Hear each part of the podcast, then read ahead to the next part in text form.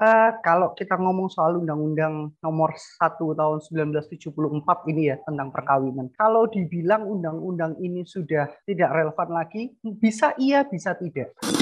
Ya, karena angkanya tinggi ya Mas ya. Misalnya salah satu blok di uh, yang dikeluarkan oleh Universitas Muhammadiyah Jogja misalnya, mulai tahun 1980-an lah. Hmm. Sampai kemudian awal 2000-an, itu angkanya meningkat.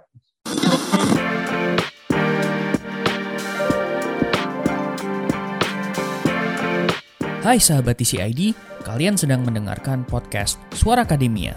Ngobrol seru isu terkini bareng akademisi. Halo Sobat TCID, selamat datang di podcast Suara Akademia. Saya Muhammad Syarif, podcast produser sekaligus menjadi host untuk episode kali ini. Dan di episode sekarang kita akan membicarakan sebuah hal yang sepertinya uh, ini adalah never end discussions gitu, especially di Indonesia karena beberapa waktu yang lalu salah satu staf sus presiden ada yang menikah dan menjadi bahan perbincangan karena terjadinya pernikahan beda agama.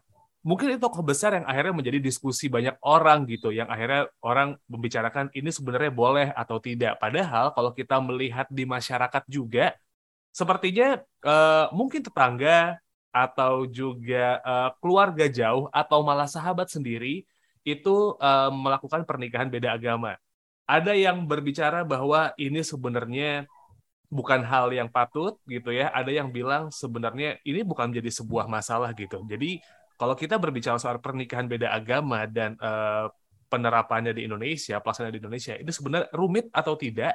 Sebenarnya diperbolehkan atau tidak? Atau sebenarnya ini adalah hal yang dilarang menurut hukum Indonesia gitu ya. Uh, ada undang-undangnya sudah mengatur, Undang-Undang Nomor 1 Tahun 1974, correct me if I'm wrong.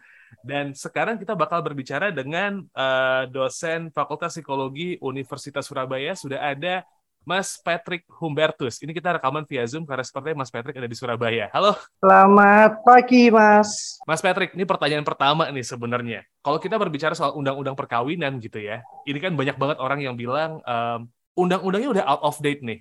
Undang-undangnya udah mulai uh, tidak relevan gitu. Ada yang bilang kayak gitu. Sebenarnya kalau misalnya kita menilik undang-undangnya gitu ya Mas Patrick ya, uh, hal apa aja sih yang membuat undang-undang perkawinan Indonesia ini kurang mengakomodir masyarakat nih mas? Uh, kalau kita ngomong soal undang-undang nomor 1 tahun 1974 ini ya tentang perkawinan, uh, kalau dibilang undang-undang ini sudah sudah hmm. sudah uh, tidak relevan lagi, bisa iya bisa tidak. Hmm. Kalau kita bicara soal perkawinan beda agama, mungkin bisa dikatakan tidak relevan lagi. Kenapa? Okay. Karena ya masyarakat kita sudah sudah mulai banyak ya kita tahu ada angkanya besar sekali di Indonesia. Mm-hmm. Jadi uh, sudah tidak bisa mengakomodir lagi uh, kebutuhan dari masyarakat, sedangkan kita tahu bahwa hukum itu mengakomodir sebenarnya. Ah, Maka ketika sudah tidak bisa mengakomodir, ya seharusnya bisa dipertimbangkan untuk direvisi seperti itu. Oke, tapi sebenarnya gini nih mas, um, se-urgent itukah undang-undang perkawinan harus mengakomodir uh, pernikahan beda agama ini gitu? Kalau menurut Mas Peter gimana? Ya, karena angkanya tinggi ya Mas ya. Misalnya okay. salah satu blok di uh, yang dikeluarkan oleh Universitas Muhammadiyah Jogja misalnya, mulai tahun 1980-an lah. Hmm. Sampai kemudian awal 2000-an itu angkanya meningkat setiap oh. tahun yang tercatat, hmm. yang berhasil masuk di dalam survei mereka itu hmm. angkanya meningkat setiap tahun. 10, 15, 19 terus. Itu hanya di Yogyakarta. Bagaimana dengan kota-kota yang lain? Oke, jadi, jadi angkanya besar sekali dan harus diakomodir, harus ada regulasi hukum tentang itu. Oke, ini baru kota Yogyakarta yang sebenarnya populasinya yeah. tidak sebesar itu ya, Mas Patrick ya. Bagaimana dengan kota-kota yang lebih besar yeah. dan banyak populasinya gitu yeah. ya?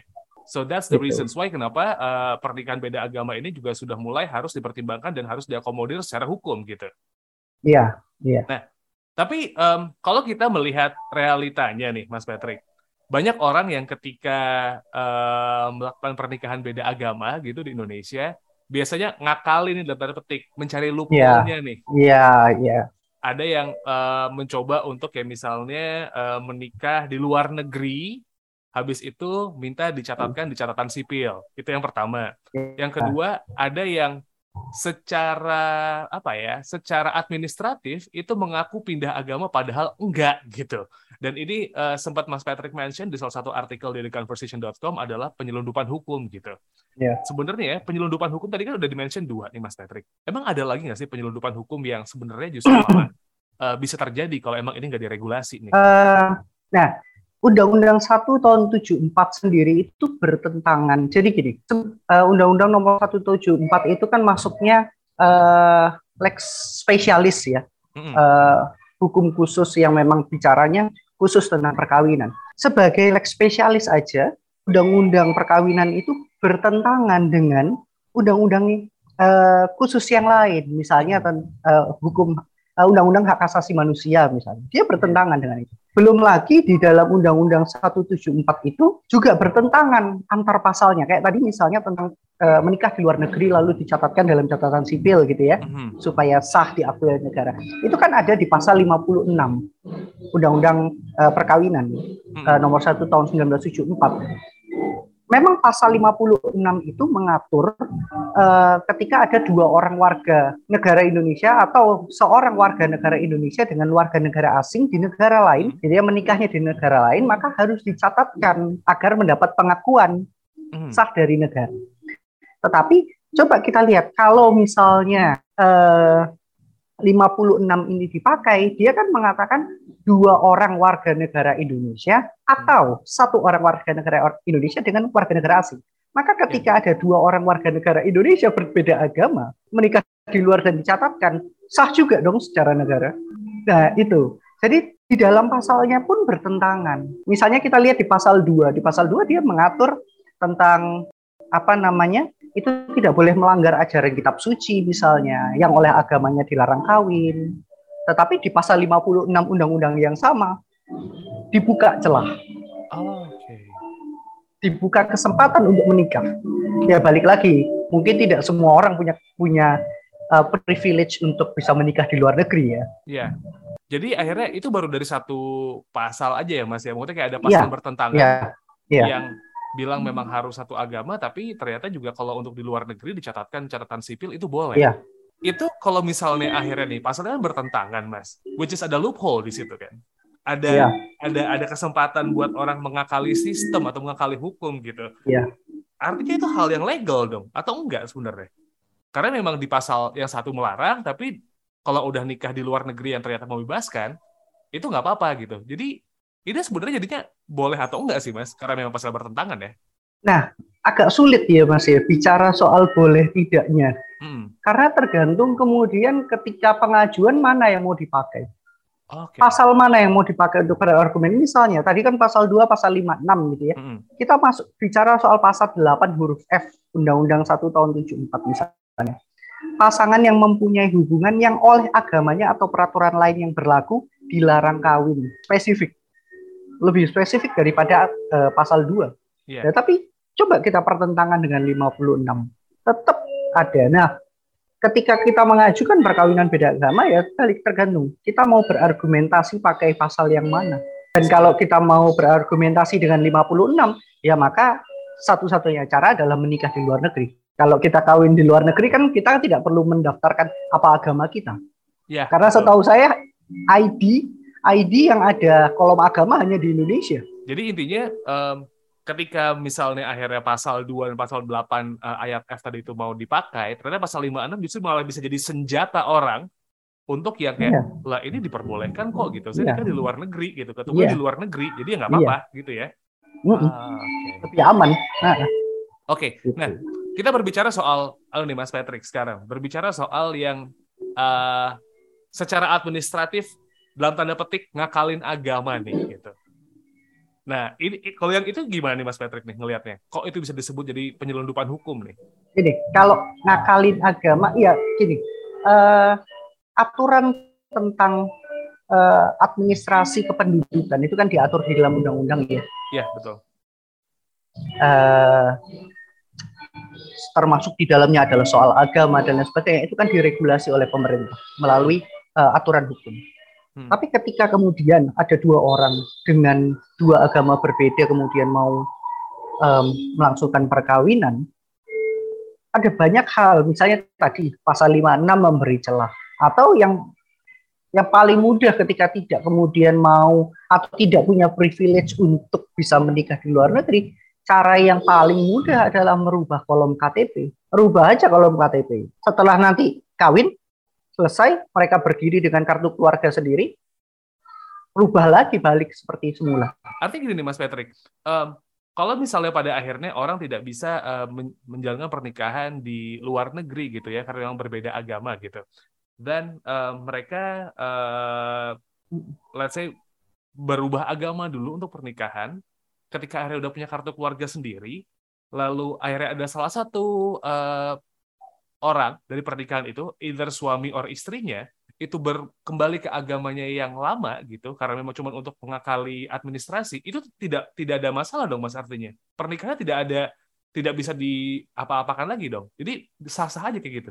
Ya bisa. Nggak bisa. Karena sudah sah. Jadi ya. tidak ada masalah di uh, secara administrasinya tidak ada masalah. Perkawinannya tetap dianggap sah. Yang berubah kan keimanannya di mana di Indonesia kemudian keimanan itu di uh, catatkan dalam uh, apa namanya administrasi kependudukan. Kita sudah tahu nih bahwa ada lumayan banyak penyelundupan hukum dalam tanda petik itu tadi. Dan biasanya kalau misalnya kita berbicara soal pernikahan, kita berbicara yang mayoritas dulu mungkin di Indonesia Mas ya, yang uh, pernikahan sesama muslim gitu. Nah, biasanya kan ada hukum waris dan yang lain-lain gitu-gitu kan yang biasanya kalau misalnya kita lihat hukum waris itu tuh kadang-kadang ntar agamanya juga uh, ada peranan penting di situ soal pembagian dan lain-lain. Yeah. Kalau terjadi penyelundupan hukum nih, Mas, gitu. Ada pihak yang dirugikan nggak sih kalau misalnya kayak gini? Let's say tadi pernikahan di luar negeri, habis itu juga uh, mainin kolom agama, eh, mainin bukan mainin yang beneran mainin ya dalam tanda petik kayak ngangkat yeah. administratif gitu uh, akan ada yang dirugikan nggak sih mas? Karena kan memang kalau di Islam ada hukum waris, uh, di agama lain juga mungkin ada hukum-hukum yang berjalan kayak gitu. Kalau misalnya memang harus berpisah, itu ada yang dirugikan nggak sih? Uh, itu konsekuensi ya dari hmm. dari kemudian uh, ya ini tadi kenapa kemudian undang-undang uh, itu saya rasa perlu untuk kemudian ditinjau ulang hmm. ya karena ini tadi ada ada konsekuensi di belakang Hmm. Kita tidak bisa kemudian membendung uh, keinginan dua orang untuk membangun rumah tangga. Nah, tapi ketika kemudian keinginan mereka tidak bisa diakomodir dengan aturan atau regulasi hukum, maka mereka akan mencari celah. Yang sebenarnya kalau dibilang celah ini melanggar hukum ya tidak. Karena ya hukumnya pun tidak sempurna. Tapi ketika kemudian ada terjadi sesuatu, entah perceraian, entah kematian di belakang, akan ada konsekuensi. Jadi lumayan memberatkan ya kalau secara nggak langsung kalau kita melakukan penyelundupan hukum dan ini tidak diatur gitu ya Mas Patrick ya? Iya, itu kenapa yang yang kemudian saya rasa perlu dibenahi uh, ya bukan penyelundupan hukumnya, bukan bukan bagaimana orang mencari celahnya, tapi ya undang-undangnya yang harus kemudian ditinjau disesuaikan dengan perkembangan zaman. Mm-hmm. Perkembangan masyarakat kita gimana? Mereka membutuhkan aturan hukum yang seperti apa?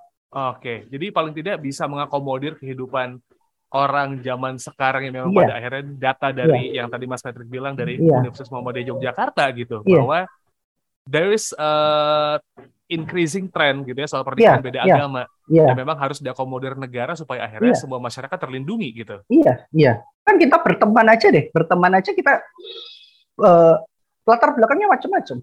Hmm. Dari kecil kita berteman dengan banyak orang, nggak mungkin dari situ kemudian tidak uh, muncul kedekatan dan sebagainya.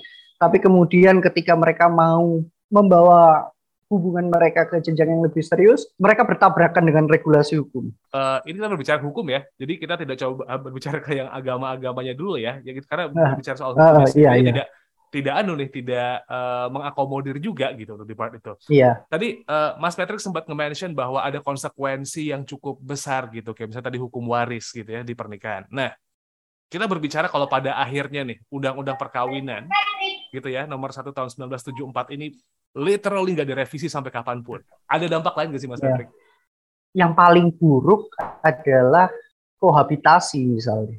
orang akhirnya dan dan menurut saya ada banyak uh, pasangan-pasangan di terutama di kota-kota besar ya, hmm. di mana uh, kedekatan antar misalnya tetangga atau lingkungan tempat tinggal yang tidak kemudian uh, terlalu akrab itu di kota-kota besar biasanya banyak yang melakukan kohabitasi karena kemudian lihat waduh ribet juga ngurus ini ngurus itu. Ya sudah jalan aja mereka tinggal bersama. Ya itu yang itu yang menurut saya uh, konsekuensi yang kita hadapi ya sekarang.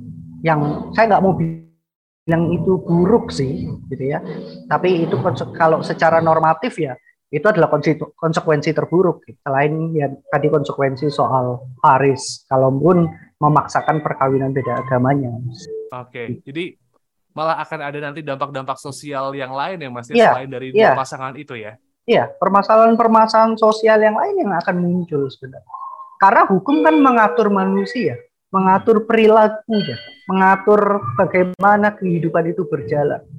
Nah, ketika hukum yang seharusnya mengatur itu berjalan tidak bisa uh, apa namanya uh, mengakomodir perkembangan kehidupan masyarakat ya, maka masyarakat akan kemudian apa ya uh, berjalan sendiri tanpa tanpa koridor ini tadi. Hukum itu kan menjadi koridor sebenarnya. Oke. Okay. Hukumnya harus merhatiin ada perubahan apa dalam masyarakat sekarang, bukan berarti masyarakatnya yang harus uh, gimana-gimana ya, Mas. Karena masyarakat juga evolving gitu ya. Ya, ya, ya. Okay. Mas Patrick, mungkin uh, ini pertanyaan lagi nih, Mas. Undang-undangnya tadi udah seperti mention gitu ya, pasal uh, 2, pasal 8 dan juga uh, pasal 56 gitu. Itu tuh pasal yang bertabrakan nih. Iya nggak sih? Pasal 2 atau pasal 8 itu tuh mengatakan bahwa um, masing-masing itu tuh harus uh, mungkin satu iman, tapi di pasal 56 mengizinkan bahwa pernikahan akan sah kalau misalnya dua orang Indonesia atau satu orang satu WNI dan satu WNA itu menikah di luar negeri, ya kan? Dan bisa dicatatkan catatan sipil. Itu yeah. adalah hal-hal yeah. yang bisa direvisi dalam tanda petik uh, untuk bisa mengakomodir nih dinamika masyarakat sekarang gitu. Ada poin lain gak nih Mas Patrick yang kira-kira bisa dibenahi lagi kalau misalnya memang pernikahan beda agama ini tuh akhirnya bisa di look up dan akhirnya masuk di undang-undang pernikahan gitu. Yang direvisi adalah enggak? Kalau soal pasal lain ya kita bicara soal ada nggak pasal lain berarti kan? Hmm.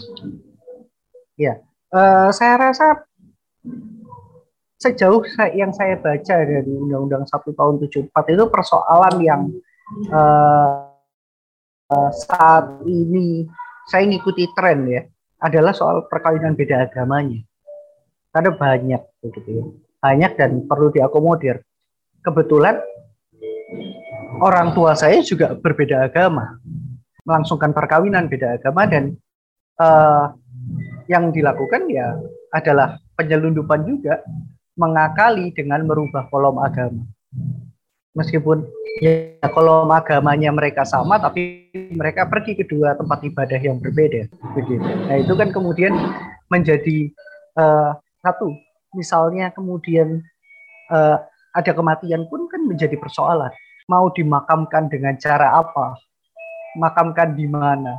Sedangkan bagaimana cara dia dimakamkan harus sesuai dengan KTP-nya nah itu itu persoalan-persoalan kalau dari Undang-Undang 174 menurut saya salah satu yang agak krusial untuk bisa direvisi uh, adalah aturan tentang uh, bagaimana perkawinan itu juga uh, atau mungkin bukan dihilangkan ya pasalnya tapi kemudian bisa dimodifikasi untuk bisa mengakomodir perkawinan atau ditambahkan untuk mengakomodir perkawinan tidak agama seperti itu. Oke, okay. Mas Patrick, uh, mungkin pasal bisa di anu ya Mas ya, dimodifikasi, bukan harus dihilangkan, tapi bisa dimodifikasi gitu Mas Patrick ya.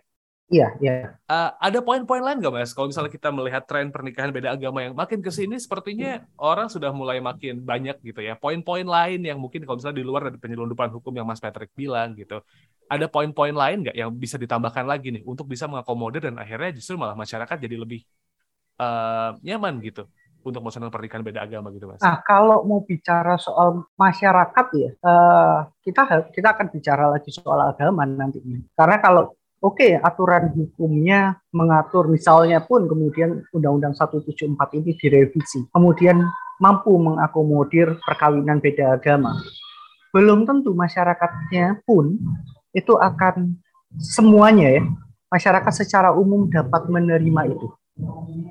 Karena saya yakin ketika kemudian Undang-Undang 174 ini direvisi untuk mengakomodir perkawinan beda agama, undang-undang ini nanti akan bertentangan dengan institusi-institusi agama. Dan kita tahu Indonesia negara yang religius, di mana ada selain hukum sebagai panglima atau sebagai acuan, tetapi kita juga punya acuan besar lain yaitu institusi agama. Agama sebagai institusi gitu ya. Bukan bukan hanya agama sebagai keimanan tetapi agama sebagai institusi. Kalau agama sebagai keimanan ya itu tadi. Ya udah diganti aja kolomnya. Toh aku juga tetap pergi ke gereja. Udah ganti aja. Toh aku tetap menjalankan sholat lima waktu. Tapi ketika agama menjadi institusi isinya bukan hanya soal keimanan tetapi juga kepentingan Nah, itu nanti kalaupun direvisi, saya yakin nantinya akan bertentangan dengan itu. Gini, tetap akan ada perdebatan panjang. Karena ya itu tadi balik, masyarakat kita masyarakat yang religius. Intinya, Mas Patrick, ketika kita berbicara soal uh, pernikahan beda agama dari awal sampai dengan uh, sekarang gitu ya, dari awal diskusi kita di episode kali ini sampai dengan tadi Mas Patrick memberikan pemaparan gitu, ini adalah lebih ke bagaimana caranya negara itu bisa hadir dengan memberikan uh, payung hukum dan juga uh, memberikan dalam tanda petik garansi ketika memang ada warganya melakukan pernikahan beda agama gitu ya untuk menghindari konsekuensi-konsekuensi yang nantinya di belakang justru malah bikin mereka rumit gitu ketika melakukan iya, pernikahan. Ya, Kurang ya. lebih kayak gitu ya Mas ya? Iya, iya. Jadi negara hadir. Kehadiran negara salah satu yang dibutuhkan oleh warga warga negara adalah yaitu tadi mengakomodir warga negara uh, mengakomodir kebutuhan warga negara dalam regulasi. Mm-hmm. Jadi negara harus hadir untuk meregulasi kebutuhan warga negara. Salah satunya adalah soal perkawinan beda agama. Ya. Jadi mungkin kalau soal uh, keimanan itu sudah uh, urusan ya, kita tidak bisa berdebat soal itu. Bisa berdebat soal itu karena pasti orang punya ya, pandangan ya, masing-masing ya, begitu ya. ya. Nah, uh, tapi bagaimana negara bisa hadir dan juga uh, menjamin keamanan dan keselamatan seluruh warga negaranya supaya akhirnya ya. mereka bisa nyaman untuk tinggal di negara Indonesia ini. Ya. Oke. Okay. Betul. Nah, itu poin itu poin penting, menjamin keamanan, keselamatan, kenyamanan. Kenapa? Kita kita kita baca baca berita gitu ya uh, sekian tahun terakhir uh, ada peningkatan jumlah misalnya kita sebut aja persekusi dan lain sebagainya. Hmm. Perkawinan beda agama punya potensi besar menjadi bahan persekusi. Yeah. Perkawinan beda agama punya potensi besar untuk melahirkan konflik sosial. Dari perkawinan beda agama kita kita nggak menutup mata bahwa ada mungkin gitu ya mungkin ada ada ada potensi misalnya lahir uh, apa namanya eh, gerakan-gerakan yang yang uh, intoleran, penyerangan rumah ibadah dan sebagainya itu kan sangat mungkin terjadi. Iya, artinya memberikan keamanan, memberikan uh, kenyamanan dan juga keselamatan warga negara karena memang perkawinan beda agama ini adalah uh, salah satu hal yang bisa menimbulkan potensi nanti akhirnya tidak rukun dalam tanda petik gitu ya di iya, society yeah, yeah. itu yang harusnya bisa diatur sama yeah. uh, negara karena yeah kadang-kadang ketidakamanan bukan muncul dari kaum kaum yang besar, mulai dari tetangga sebelah yang nyinyirin aja itu udah nggak aman sebenarnya mas. Nah, benar, benar, benar, benar. Baik, intinya adalah kalau kita nge-refer ke pernikahan dan juga perkawinan beda agama, memang uh, banyak sekali pasangan pasangan-pasangan yang melakukan penyelundupan hukum yang memiliki potensi dan juga konsekuensi di belakang yang justru malah mempersulit mereka sendiri dan kehadiran negara sangat dibutuhkan untuk untuk bisa memberikan jaminan keamanan, kenyamanan, dan keselamatan warga negaranya ketika memang ada dinamika-dinamika yang belum sempat diatur dan juga belum sempat dilihat ketika ada satu undang-undang yang dibuat. Kurang lebih begitu, Mas Patrick ya. Oke. Okay. Kalau begitu, terima kasih Mas Patrick Humbertus, dosen Fakultas Psikologi Universitas Surabaya untuk waktunya. Semoga sehat-sehat terus, Mas Patrick. Semoga lancar selalu kegiatannya ya. Dan juga untuk Sobat TCID, yang memang pengen uh, tahu seluruh update, seluruh berita, dan juga uh, banyak sekali artikel yang bisa menarik untuk kamu baca, bisa kamu cek di website kami di conversation.com, follow juga Twitter, Instagram, dan juga TikTok kami di @conversationidn. Saya Muhammad Syarif, selaku podcast produser dan juga host untuk Suara Akademia kali ini mengucapkan terima kasih. Kita ketemu lagi di episode-episode berikutnya. Kalian telah mendengarkan podcast Suara Akademia, ngobrol seru isu terkini bareng akademisi.